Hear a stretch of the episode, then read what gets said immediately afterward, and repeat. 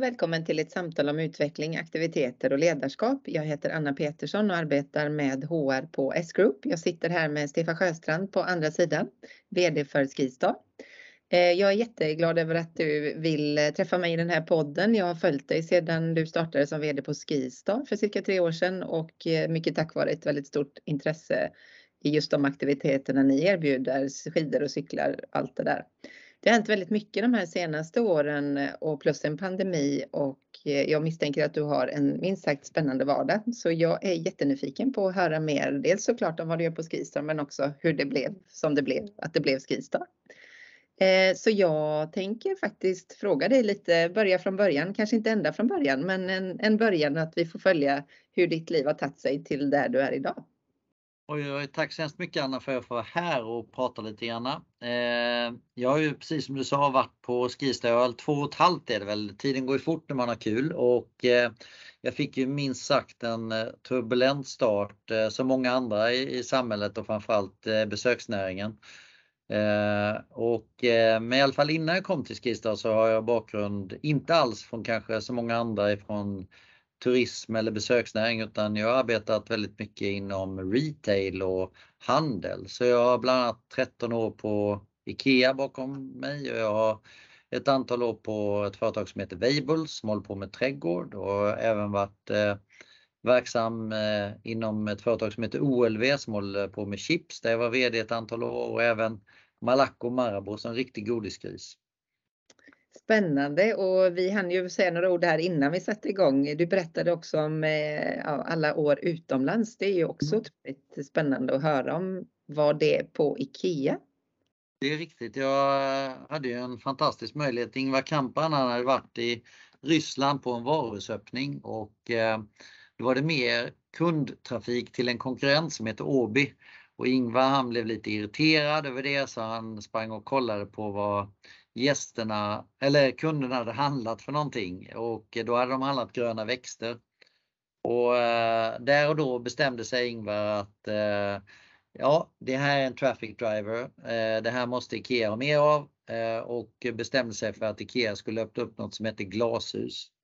Och då var jag ju verksam på Weibull som höll på med växter och under intervjun sa jag det att jag kan ju inget om växter, jag är kass på det, men däremot så vet jag hur pipeline fungerar och hela värdekedjan. Och då eh, sa man på IKEA, det låter bra, så eh, du får börja hos oss. Så började jag jobba med det och ett växtmecka är ju Holland och eh, därför eh, blev jag placerad i eh, Holland. Och där hade ett globalt inköpsteam som satt och sen hade jag en hubb i Houston i, i USA och jag hade en hubb i Shanghai, jag hade en hubb i Moskva och sen öppnade vi upp en hubb nere i Valencia i Spanien också. Så eh, det var en fantastiskt spännande tid där.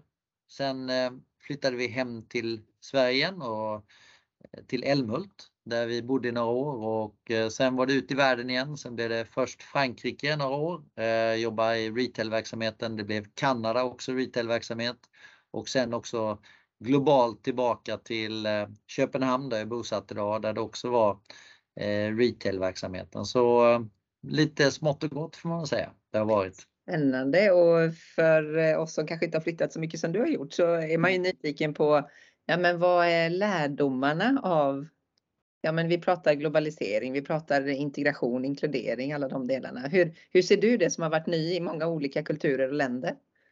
Jag tror Alltså det är ju, eh, jag tror man måste förstå vad det innebär att komma som ny till ett nytt land och, och eh, först och främst så måste du anpassa dig efter det landet. Det är väl min eh, erfarenhet. Jag menar om när man kommer till Holland och ska skriva in sig så måste man ju göra på ett visst sätt.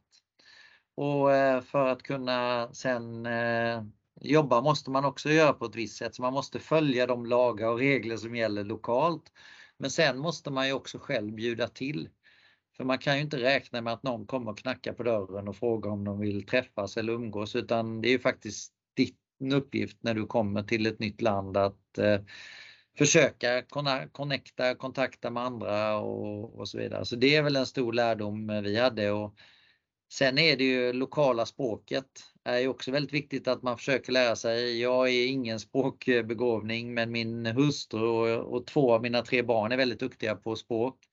Och man kunde se i Holland så var det ganska lätt för där var engelskan eh, alltså 99,5% av holländarna talar engelska och eh, det är det land utanför då eh, talande länderna som faktiskt har högst Eh, kunskap i engelska språket.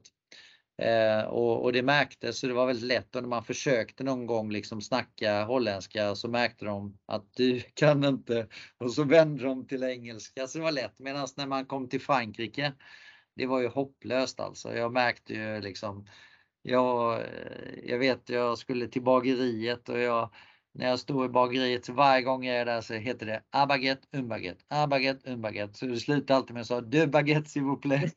så att, jag såg så arg ut alltid kvinnan där så jag vågade aldrig säga fel för fransmännen blir ju arga när man sa fel. Liksom.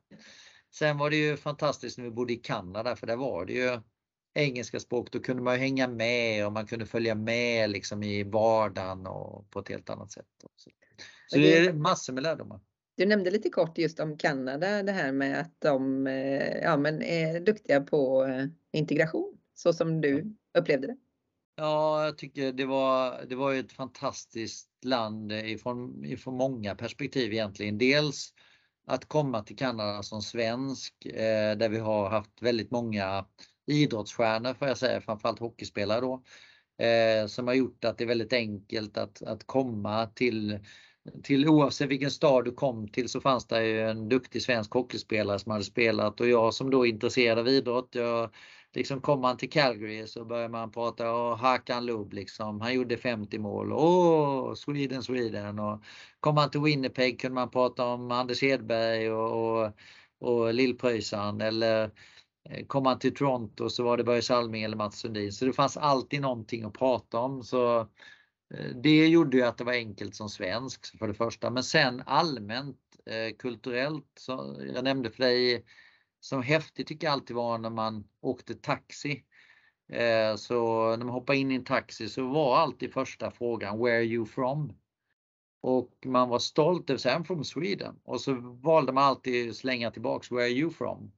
Och så bildades det en konversation och ett samtal kring varifrån man kom och hur länge man hade varit där och att man var stolt över sitt ursprung men man var också väldigt stolt över att vara i Kanada.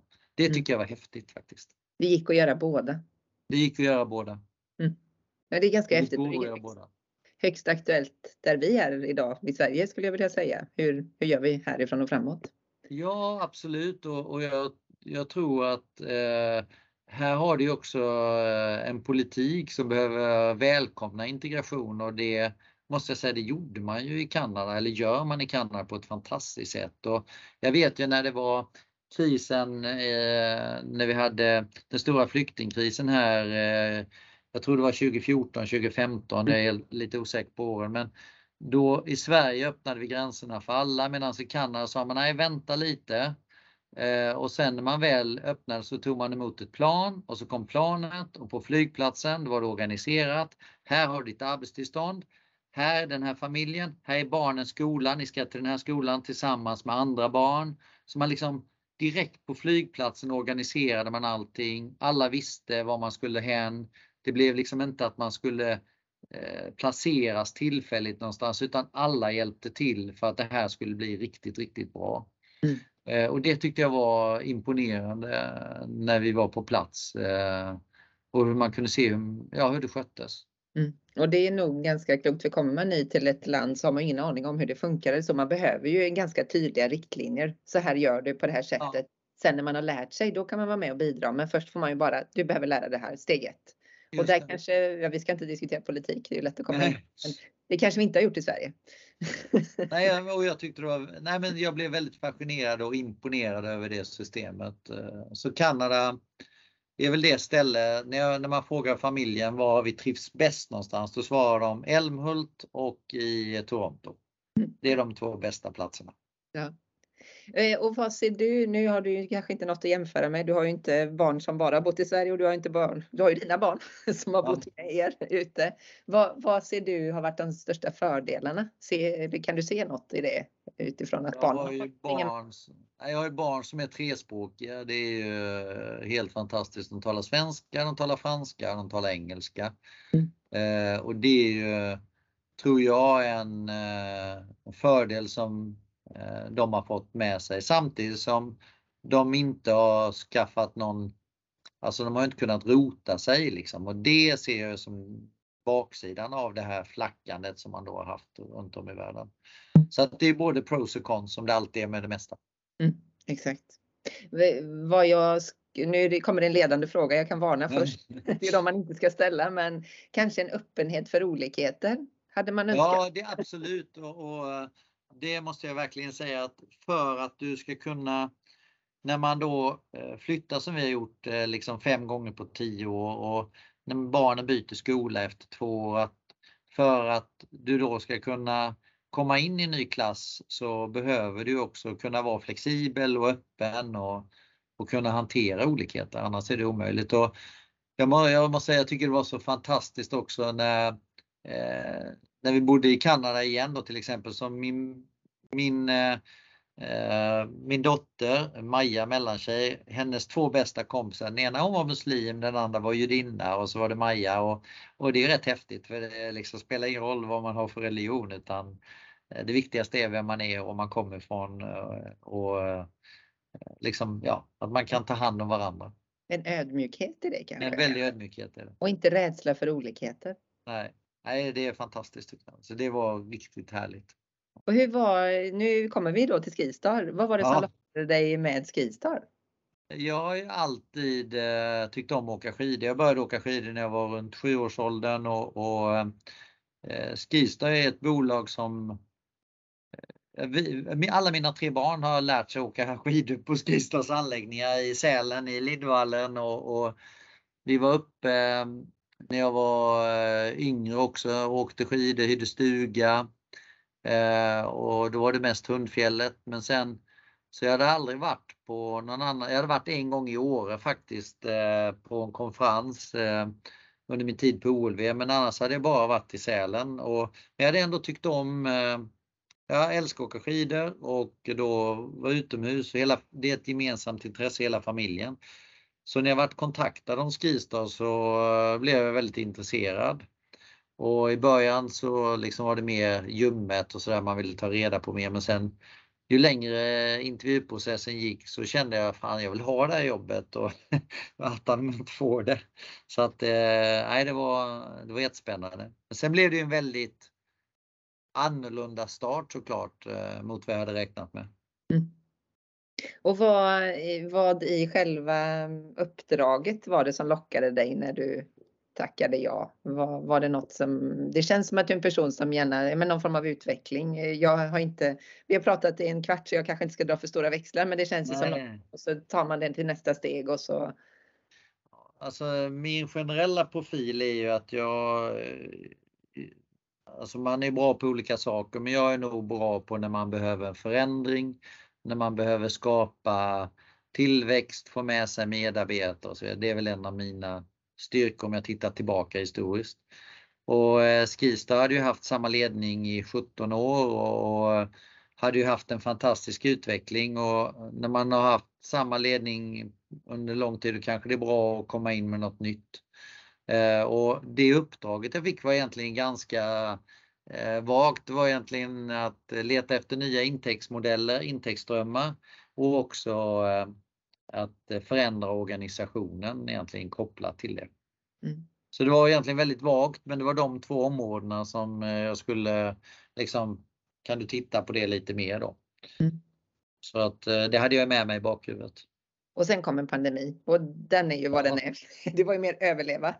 ja, nej men alltså det som hände egentligen efter, jag hade ju räknat med en månads introduktion så Anders som är min CFO, han eh, så bad jag om kan inte du vara acting en månad till så kan jag åka runt och träffa alla och sådär. Men jag hann ju inte så långt. Jag, hann, eh, jag hade fuskat innan jag började varit nere i Sankt Johann i Österrike. Jag hade fuskat i Vemdalen och sen så eh, hade jag med mig Sälen historiskt lite grann.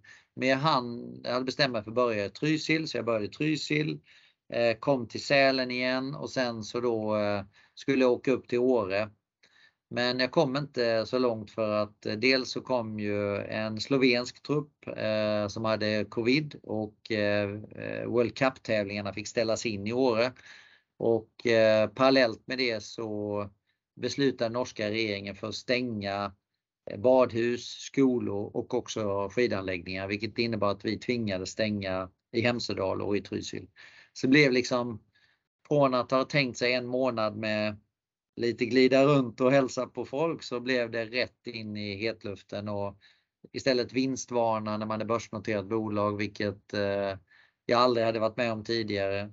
Det blev att hantera en kris. Eh, Plötsligt jagade alla en. Det blev media jagade dig, banken jagade dig, styrelsen jagade dig, medarbetare skulle sägas upp. Det var liksom, det var mer eller mindre kaosartat skulle jag vilja säga.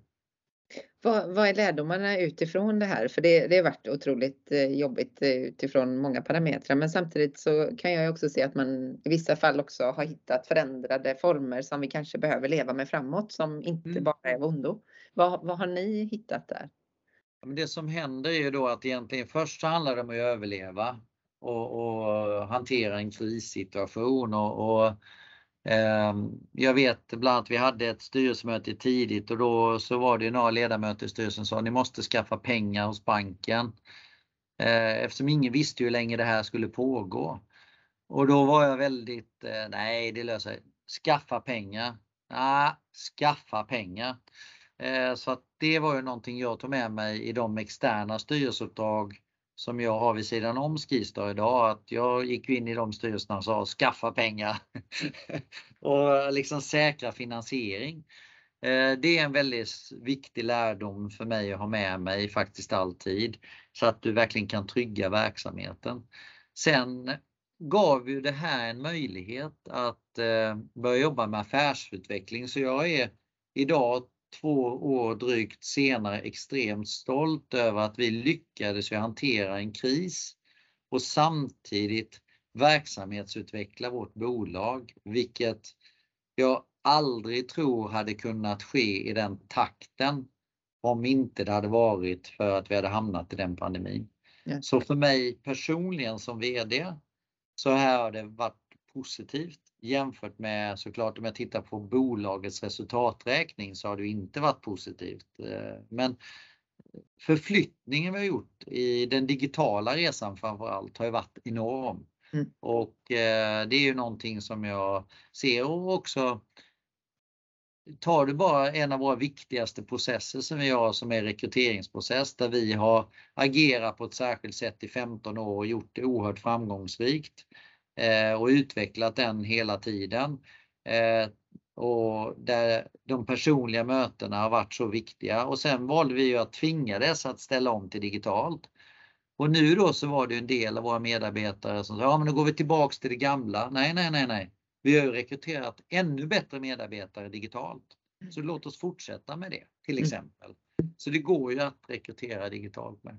Mm. Och de förflyttningarna som du då när du skrev på ombeddes titta på affärsdrömmar och ja. Eh, förändring, förändrade i organisationen. Var, var är ni där nu? Alltså vi bestämde oss för att göra en strategiöversyn egentligen. Så för mig började det först att peka ut en riktning, vart ska man någonstans? Och när man har pekat ut riktningen var man ska, då organiserar man sig efter det. Och i vårt fall så eh, såg vi att vi kunde skapa en större tillväxt på de destinationerna där vi fanns. Eh, hur kunde vi förstärka vår affärsmodell som innebär att eh, jag brukar försöka beskriva vår affärsmodell som om man ser en prästkrage framför sig med det gula i mitten och de vita bladen runt omkring. Så vår affärsmodell är skistar.com och där går gästen in eh, och där har vi 32 miljoner besökare idag på vår plattform. Och det är ju vår distributionskanal och den äger vi och den kontrollerar vi. Och där går gästen in och först bokar sitt boende. Sen bokar gästen om man vill ha en försäkring, om man vill ha städning, om man vill ha skipass, skidhyra, skidskola och det är ju alla de här vita bladen runt. Och eh, när man tittade på den affärsmodellen så eh, eh, såg jag bara möjligheter egentligen. Men jag såg också utmaningar på några av våra destinationer, till exempel i Sankt Johann i Österrike. Där drev vi bara liftar. Vi hade ingen skidskola, vi hade ingen skidhyra, vi hade inga shoppar. Så vi hade bara liften och alla andra tjänade pengar men inte vi. Så då bestämde vi att det, vi gör oss av med Sankt Johann. Eh, så det var ett beslut. Det andra var att vi satt med en ganska hög eh, skuldsättningsgrad. Eh, vi hade en tung balansräkning. Vi ägde tre hotell helt och tre hotell delvis. Vi hade ingen eh, gemensam styrning på de hotellen så då sa vi då säljer vi de hotellen till ett gemensamt bolag som vi äger med Peab eh, som heter Skiab och plus att vi sålde en del mark dit. Eh, vilket innebar att vi kunde göra två saker. Det ena är att vi kunde renodla en hotellorganisation och göra en leaseback-modell. Eh, och det andra var att eh, Skiabolaget kunde snabbare utveckla egentligen våra destinationer eftersom där finns det kapital att snabbare eh, kan man säga både köpa och förvärva mark men också bygga eh, fortare än vad vi hade klarat av på egen balansräkning. Mm. Så det var ju liksom lämna Österrike, renodla och satsa på Skandinavien. Det var ju liksom kärnan. Sen också det tredje var att vi hade varit vinterfokuserade, bara pratat alpin skidåkning. Och då talade vi om att gå ifrån alpin skidåkning till att arbeta med fjällturism året runt. Och det var ju en jätteomställning för organisationen för där hade min företrädare då bara pratat alpin skidåkning och sa att det var förbjudet att prata längdåkning. Eh, och för mig så är, är längdåkning en del av vinterupplevelsen och det handlar mer om hur kan vi skapa en intäktsmodell runt längdåkning och att våra gäster förstår att det kostar pengar att dra spår liksom. Så då sa vi låt oss skapa en cross country arena med eh, dubbla spår, skate i mitten, vallabord, toalett, belysning så att man skapar en produkt runt det. För då kan man också ta betalt för det. Mm. Och sen det andra var ju också att eh, på sommaren då så behöver man ju skapa aktiviteter och, och eh, då kan man nämna det på olika sätt men om jag lite slänger ur med karuseller då så behöver vi skapa karuseller på våra destinationer och en sån karusell kan ju vara klätterpark. Det kan ju vara att du skapar pump tracks för cykel. Det kan vara att du skapar badanläggning eller ja, olika typer av aktiviteter som våra gäster vill sysselsätta sig med när de är på plats. Då. Så vi valde ju att accelerera investeringstakten också på sommarhalvåret, vilket vi aldrig hade gjort tidigare. Och så, så, det ena födde det andra och sen mm, sist men inte minst var väl egentligen, eller det är två saker. Det ena var ju också att när jag var liten så, så hyrde man en eh, timrad stuga och så morsan bredde mackor, vi drack varm choklad. Eh, men när vi ser våra gäster idag så går de ut på vår digitala plattform. Det första de letar efter backnära boende. Det ska vara bastu, det ska vara öppen spis. Och det innebär att vi har gått ifrån liksom en traditionell stuga till att bo bättre borta än hemma. Och det är jätteviktigt i den här förflyttningen. Då. Och sen det sista är då att vi har varit duktiga på att producera snö och vi har gjort det med grön el.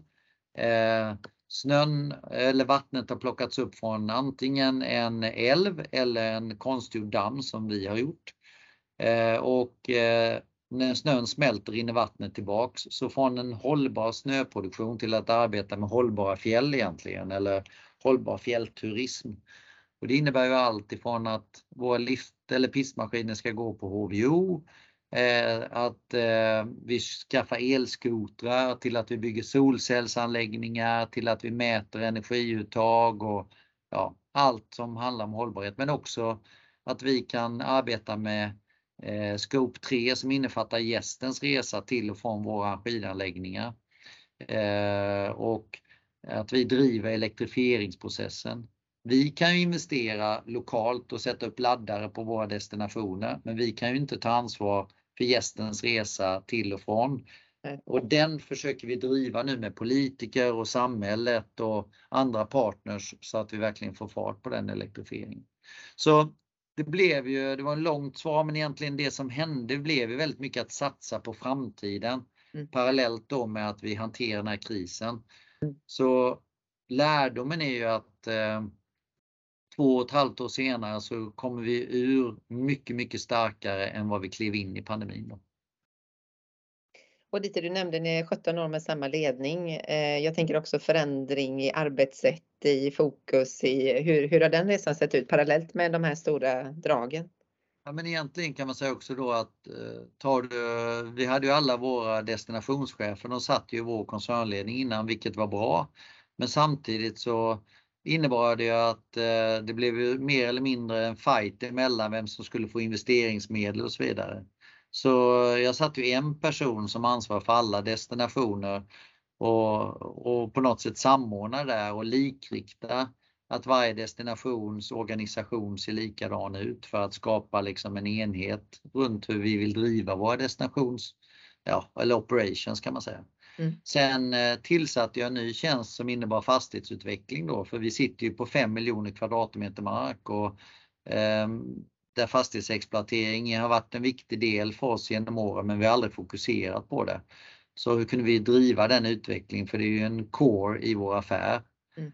Eh, har rekryterat en ansvarig för våra hotell och hotelldrift. Eh, har eh, satsat ännu mer på digitalisering och utveckla CRM-system och, och försöker få eh, en styr på den produkten kan man säga egentligen. Så eh, mycket sånt har det inneburit organisatoriskt. Så mer fokus där men också en mycket mer eh, eh, vad ska man säga, det har varit väldigt manligt dominerat. För mig är det viktigt att ha en, en balanserad ledningsgrupp. Så från 100-0 eh, så är vi 60-40 idag i ledningsgruppen män kvinnor, vilket jag tycker också är jätteviktigt i en väldigt mansdominerad bransch. Alltså i skidanläggningsbranschen då om jag inte tar besöksnäring, för besöksnäring är ofta mer kvinnor generellt då egentligen. Medans... Alltså jag skulle nog säga, jag, vilket förvånar mig också med en liten eh, bakgrund inom eh, just skidanläggningar, att det är så mansdominerat när de man möter oftast är kvinnor. Alltså ja. Längre ner i organisationen ja. är det ju inte 50-50 killar tjejer. Och jag tror det handlar väldigt mycket om att den här branschen har varit så teknikorienterad. Och eh, jag brukar lite bedust ibland säga jämför det med innan Janne Karlsson kom till SAS så var SAS flygplan och flygmaskiner liksom, det var det viktigaste. Eh, Medan han talade om gästen och passageraren och service i världsklass. Och det är ju det liksom jag försöker prata jättemycket om och när vi gör vår omställning att möta gästen där gästen vill vara digitalt eller det fysiska. fysiska. Och det handlar ju om eh, att gästen är i fokus. Det är gästen som är i centrum och att vi ska se gästen alltid.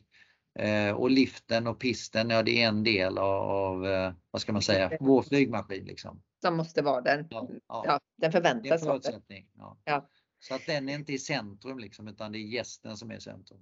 Så det tror jag är en av anledningarna för att det är det som har gjort den här branschen, i alla fall när jag har varit runt nu och träffat leverantörer, det är ju 99,5 eh, män som jobbar i branschen. Eh, internationellt och eh, även i Sverige. Ja. ja, och det är nog helt rätt. Man attraherar de människorna man har i sin... Det börjar ju där uppe helt enkelt. Ja, ja. Jag tänker lite på din bakgrund inom FMCG som du beskrev, mm. retail det måste ju då ha hjälpt dig i den här kundfokusering. Eller vad, ja. vad känner du där? Vad tar du?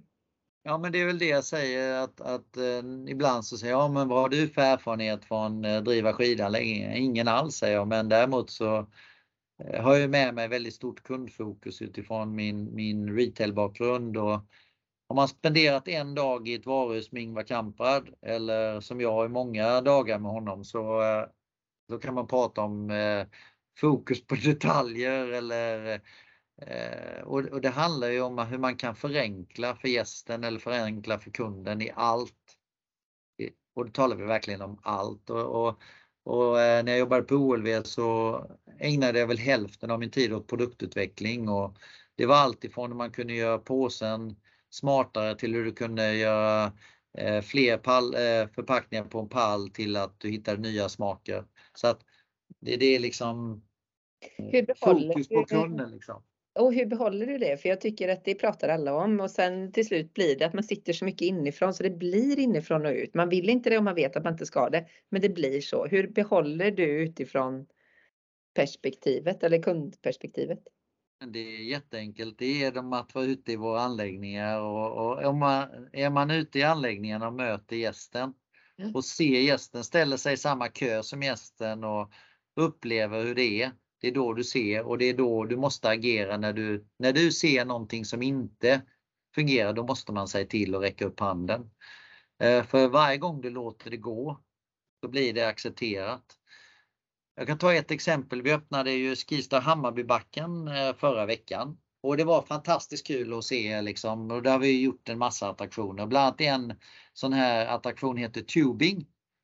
Och då är det som ett sånt här eh, eh, bildäck som är fullt som man, eh, som man åker ner för en slidad eh, rutschkana i plast. Då. Jättehäftigt är det.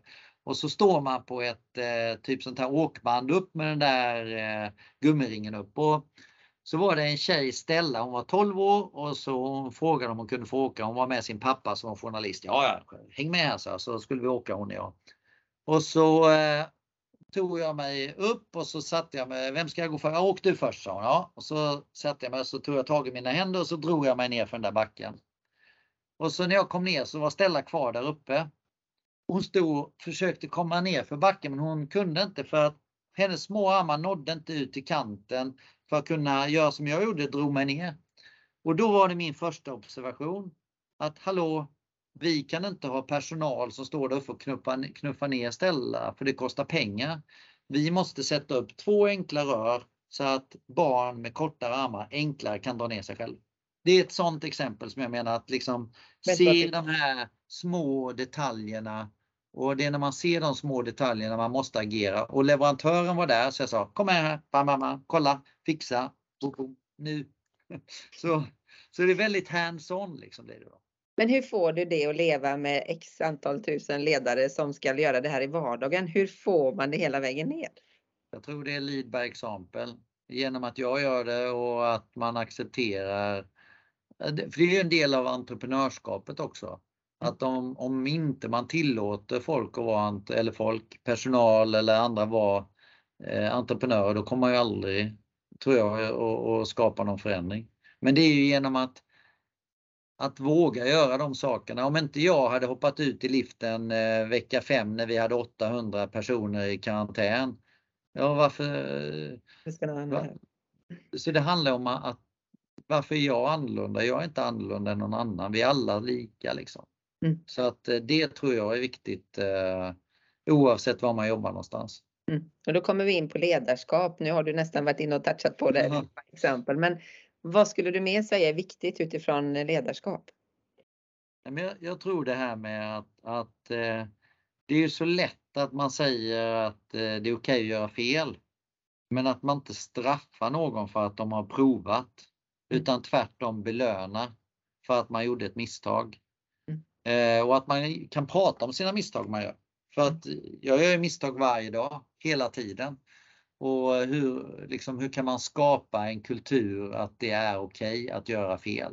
Mm. Det tror jag är en av nycklarna. Och, eh, eh så dels eh, det. Sen, jag är väldigt inspirerad av mina år på IKEA. Eh, Ingvar han pratade liksom eh, Don't ask for permission, ask for forgiveness. Mm. Och eh, det var ju ett mantra som jag bar med mig och jag liksom pratade alltid om det till alla och jag säger det även på Skista liksom. liksom fråga inte om lov, be om ursäkt liksom. Och sen var the friendly rebel. För är man the friendly rebel, man gör ju inte saker för att eh, jag tror alla har något gott i sig.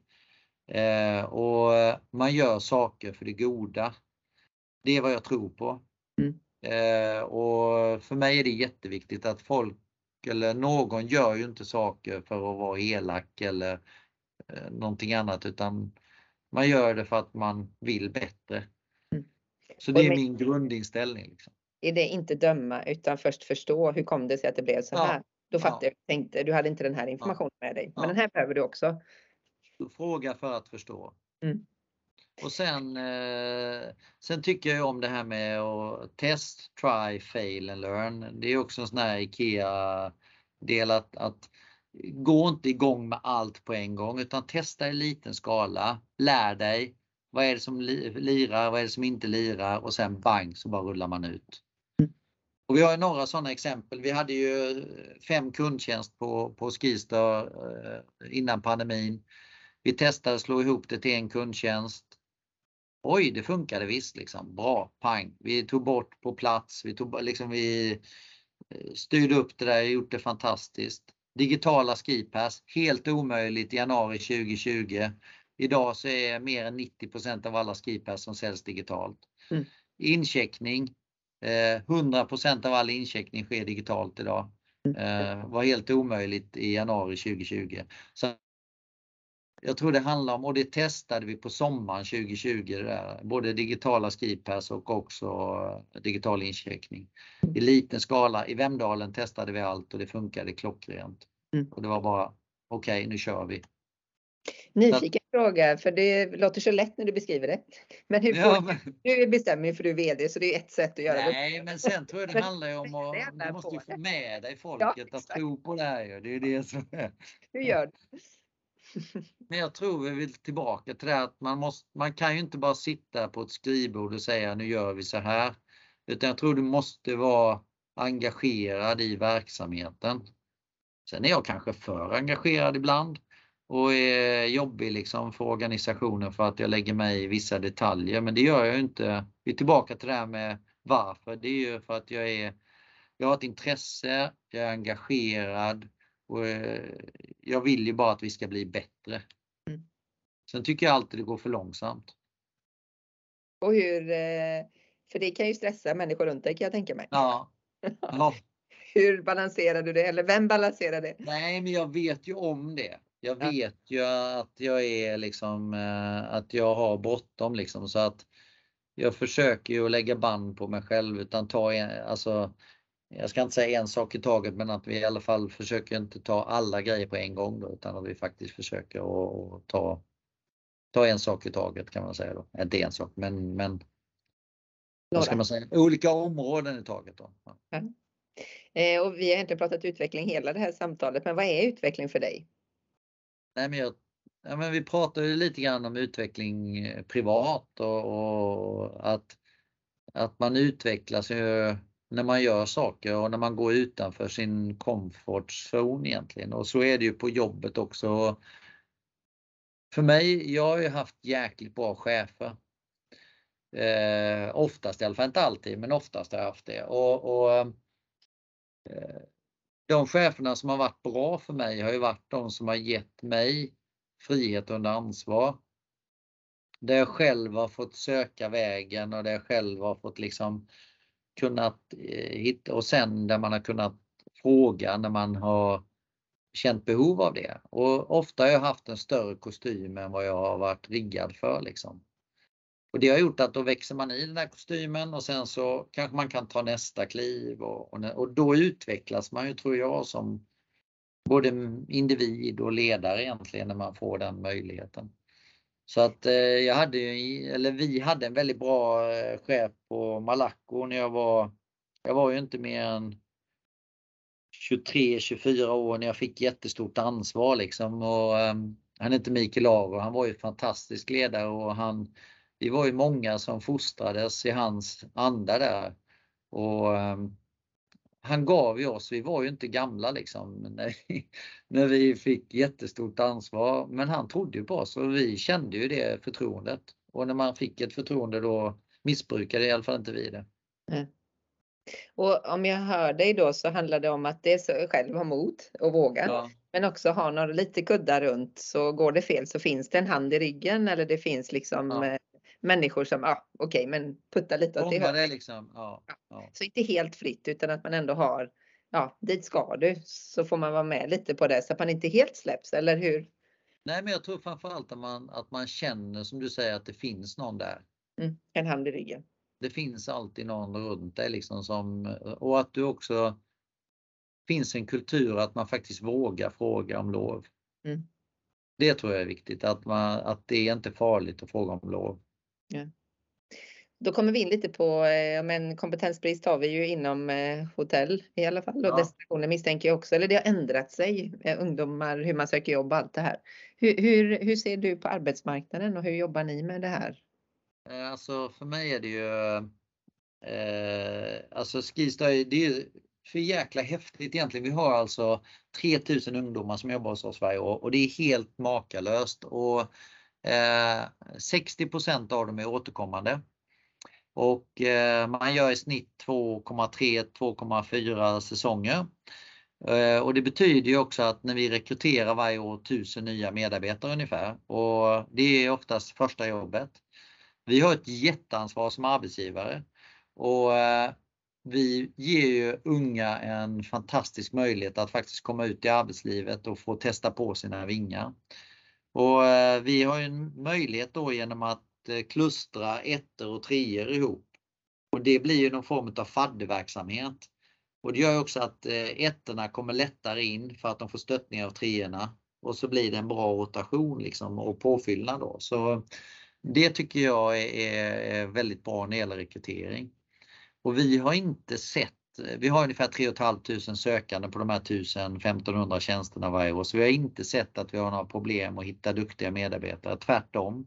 Mm. Eh, vi hittar fantastiska medarbetare och jag är jättestolt över dem. Och sen eh, det vi har sett är ju sen eh, ett år drygt tillbaka så driver vi även hotell och restaurangerna då. Och då har vi haft en kompetensbrist, framförallt på restaurangsidan. Kockar. Och det är en utmaning som vi ser och där, eh, jag S-Group, ni har ju startat en egen eh, utbildning och, det ligger vi i pipeline också att göra. Vi tror på att våga göra det och, och se eftersom vi då har så stor bas av ungdomar som kommer till oss. Sen har vi ju ett stort ansvar på varje destination så om vi då har 3000 eh, ungdomar framförallt då som det är varje år. Så på sammantaget på våra destinationer är det ju 10 000 till som vi sätter i arbete varje år. Mm. Så vi har ett jätteansvar som bolag. Eh, också ett samarbete med kommunerna som är jätteviktigt där vi finns verksamma. Och, och den måste man ha med sig in i den här tankesmedjan också. Då. Mm. Att, eh, Vad, eh, om du nu skulle ge ett råd till Stefan, 19. ja. Vad skulle det vara? Alltså det som jag försöker prata med mina barn om det är det. Jag har ju gått LHS då, det är livets hårda skola. Jag, jag pluggade egentligen inte förrän jag blev ombedd att göra det när jag kom till Malaco när, när eh, Mikael då som eh, sa att du måste plugga marknadsföring och ekonomi. Eh, annars så kan du inte ta det här jobbet. Och det blev ju en spark i ändan till mig och jag jag är nog lite grann den sista generationen som klarade mig på det och, och därför säger jag till mina barn, skaffa en utbildning. Det, det tror jag är jätteviktigt för eh, kompetens eh, är hård, eh, liksom alla behöver kompetens framåt. Så oavsett vad du vill plugga, plugga liksom. Mm. Och sen det andra är ju att ta ett första jobb och första jobbet är inte det viktigaste för du kommer behöva byta jobb många gånger i livet antagligen. Men bara kom in någonstans och skaffa dig ett jobb och sen välj chef. Mm. Men första jobbet är det nog svårt att välja chef. Då kan man inte vara kräsen utan bara in på marknaden, ta ett jobb, lär dig eh, och sen efter det börja liksom utforska mer. Vad vill jag? Och i samband med det skaffa dig en mentor. Det skulle jag ge Stefan 19 år. Tack så jättemycket. Jätteroligt att höra din historia och både bakåt men också framåt där. Om du skulle avslutningsvis bara säga vad, vad ligger på agendan nu för Skistar? Vad är, vad är det som ska hända? Det har hänt ganska mycket får vi ändå Ja, det har hänt jättemycket. på ett halvt år. Men vad, vad ser du, vad är det som kittlar framåt? Det är massor. Vi ser ju fantastiska möjligheter på alla våra destinationer eh, och växa där vi finns. Eh, både på vintersäsongen men framförallt också året runt. Vi har fått eh, precis godkänt eh, 65 nya miljoner för sommarsatsningen utöver de 100 vi hade innan, vilket känns jättebra. Så det är kul att vi verkligen växer den. Men jag har två utmaningar som jag skulle vilja säga och det ena är ju eh, faktiskt tillståndsprocesserna. För att eh, det finns en PBL i Sverige, den hanteras olika av olika kommuner. Och vi Eh, är ju redo att investera men eh, processerna på kommunerna är alldeles för långsam för att kunna hantera eh, de ärenden som finns. Så där, där, den är jag liksom, där behöver vi lägga ner extra kraft. Och sen det andra är verkligen att stressa våra politiker till elektrifieringen i Sverige. Igår så fattade EU ett beslut att 2035 ska alla fordon som säljs vara fossilfria. Och det betyder ju att eh, vi har 12 år på oss eller 12 och ett halvt år på oss att ställa om så att det finns en laddinfrastruktur i eh, hela Europa det är en utmaning. Mm. Eh, inte bara för oss som driver eh, destination utan för mig som privatperson. Hur ska jag kunna investera i en elbil om inte jag kan ladda den? Mm. Så eh, det, det, är två viktiga frågor. Mm. Jag har missat nästan en, för mig de viktigaste delarna, men jag tror ju på det här att aktivitet mår alla bra av. Utomhus. Ja. ja. I friska luften. I friska luften. Eh, och alla har inte provat det och jag tror bara alla måste prova det för då kommer alla att förstå hur härligt det är. Eh, och det har jag ju läst in i det som ni gör nu med olika samarbeten och så. Vill du bara säga lite kort om hur ni tänker där? Ja, alltså det är ju det var en del var ju det här att när vi skulle gå från vinter till året runt att vi faktiskt också satsar på att att vi ser ju att eh, nere i Alperna till exempel så är ju sommarsäsongen precis lika stor som vintersäsongen. Och att vandra på svenska fjället är ju faktiskt precis lika bra som att vandra eh, nere i Österrike. Skillnaden är att det är inte lika varmt kanske. Eh, men då finns det ju eh, liksom kläder efter väder och det har vi också sett är att att vara ute och vandra, röra på sig och att göra det tillsammans, det är också en, en möjlighet. Att cykla och skapa cykelleder både på fjället och inte downhill aggressivt utan faktiskt flow trail och göra det mjukt och fint för familjen. Det är också härligt.